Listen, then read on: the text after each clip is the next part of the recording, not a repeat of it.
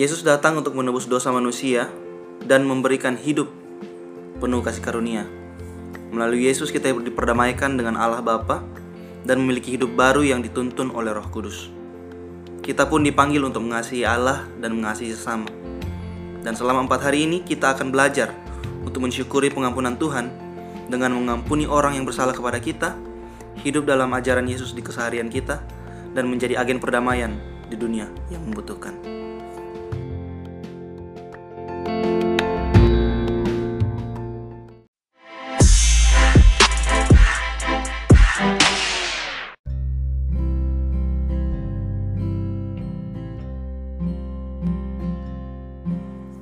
Oke, shalom teman-teman. Jumpa kembali dengan saya Sandi Palangi. Dan tema renungan kita kali ini adalah tentang hubungan. Berfokus pada pengampunan dan rekonsiliasi. Saya ulangi, tema kali kita kali ini adalah hubungan dan yang terfokus pada pengampunan dan rekonsiliasi. Saya bacakan ayat-ayat pendukungnya. Yohanes 3 ayat 16 dikatakan di situ karena begitu besar kasih Allah akan dunia ini sehingga ia telah mengaruniakan anaknya yang tunggal supaya setiap orang yang percaya kepadanya tidak binasa melainkan beroleh hidup yang kekal. Ayat 17 Sebab Allah mengutus anaknya ke dalam dunia ini bukan untuk menghakimi dunia melainkan untuk menyelamatkannya oleh dia. Matius 22 ayat 37 sampai 40 dikatakan, jawab Yesus kepadanya, "Kasihilah Tuhan Allahmu dengan segenap hatimu dan dengan dengan segenap jiwamu dan dengan segenap akal budimu." Itulah hukum yang terutama dan yang pertama. Dan hukum yang kedua yang sama dengan itu ialah kasihilah sesama manusia seperti dirimu sendiri. Pada kedua hukum inilah tergantung seluruh hukum Taurat dan kitab para. Roma 12 ayat 1 sampai 2 mengatakan bahwa karena itu saudara-saudara demi kemurahan Allah aku menasihatkan kamu supaya kamu mempersembahkan tubuhmu sebagai persembahan yang hidup, yang kudus dan yang berkenan kepada Allah. Itu adalah ibadahmu yang sejati. Ayat 2. Janganlah kamu menjadi serupa dengan dunia ini, tetapi berubahlah oleh pembaharuan budimu sehingga kamu dapat membedakan manakah kehendak Allah, apa yang baik, apa yang berkenan kepada Allah dan yang sempurna. Oke, kita masuk di renungan hari pertama yang berjudul apa nih? Hubungan yang terutama. Saya ulangi, hubungan yang terutama. Oke.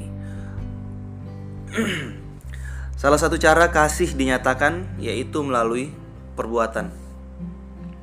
Kasih dalam bentuk perbuatan itu sering kali mendatangkan perubahan bagi penerimanya. Oleh sebab itu, Allah mengaruniakan putranya yang tunggal, Yesus kepada kita. Yesus datang bukan saja untuk menebus dosa dan mengubah hidup, tetapi supaya dunia mengenal Bapa di sorga dan memiliki hubungan erat dengannya.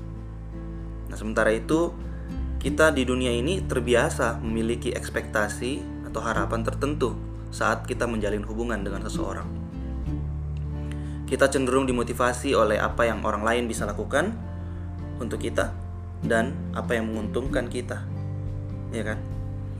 Keberadaan Yesus justru mengajarkan kita bagaimana cara membangun hubungan yang berbeda dari cara dunia. Yaitu dengan apa? Yaitu dengan hubungan yang dilandasi oleh kasih, dan pengampunan. Hubungan yang dilandasi oleh kasih dan pengampunan. Kita mengenal kasih Bapa melalui Yesus. Yesus memberikan dirinya dan mati menebus dosa kita, bahkan sebelum kita mengenal Dia. Ada ayat mengatakan bahkan saat kita lagi sementara berdosa, saat status kita sementara berdosa. Tuhan Yesus mau datang dan mati menebus kita. Waktu hidup di dunia, kepada murid-muridnya, Yesus menjadi guru dan memimpin dan jadi pemimpin yang tidak mencari kepentingan pribadinya. Tapi Yesus justru selalu mengajar dan mencontohkan hal-hal yang menjadi teladan bagi bagi para muridnya. Setiap pengajaran, teguran, kata-kata, dan perbuatan Yesus itu selalu mendatangkan iman, mendatangkan kebenaran dan kehidupan. Jadi ke mana pun Yesus pergi, Yesus membawa jawaban dan Yesus memberikan apa yang menjadi kebutuhan orang banyak. Karena apa? Karena sifat kasih yang selalu ingin mendatangkan kebaikan bagi orang yang dikasihi. Itu dia kasih. Maka dari itu, kalau kita mau menjalin hubungan dengan Tuhan, kita perlu mengizinkan kasih Tuhan yang memotivasi kita dalam mengasihi sesama, sehingga kita mengejar hubungan dengan Tuhan, bukan mengejar berkatnya. Saya ulang ya. Ini penting teman-teman, teman-teman bisa catat. Kalau kita ingin menjalin hubungan dengan Tuhan, kita perlu mengizinkan kasih Tuhan memotivasi kita dalam mengasihi sesama, sehingga kita mengejar hubungan dengan Tuhan, bukan mengejar berkatnya. Jadi motivasi kita uh, mengasihi mengasihi orang lain atau mengasihi sesama kita itu karena ada kasih Tuhan yang hidup di dalam kita. Jadi teman-teman, teman-teman harus dan wajib izinkan kasih Tuhan hadir di dalam hidup teman-teman. Teman-teman sadari bahwa Tuhan mengasihi teman-teman supaya kelak teman-teman dimampukan untuk mengasihi sesama atau orang lain. Kita dapat menerima dan memberikan kasih melalui waktu yang kita miliki, penyembahan yang kita punya, saat teduh kita, saat kita berdoa, dan juga saat kita menolong sesama. Kita juga bisa memberikan fokus dan perhatian kita dengan cara membaca dan menghidupi firman-Nya.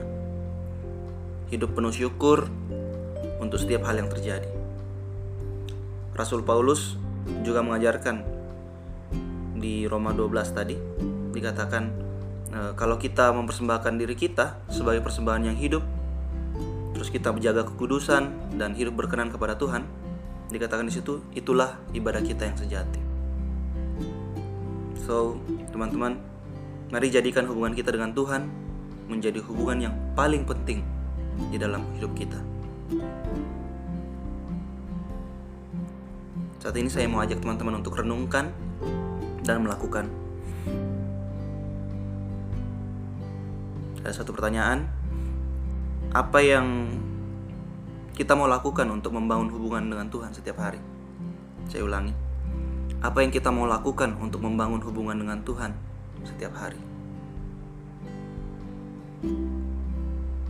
Teman-teman bisa renungkan perbedaan yang Tuhan bawa ke dalam hidup teman-teman sebelum dan setelah kita punya hubungan dengan dia.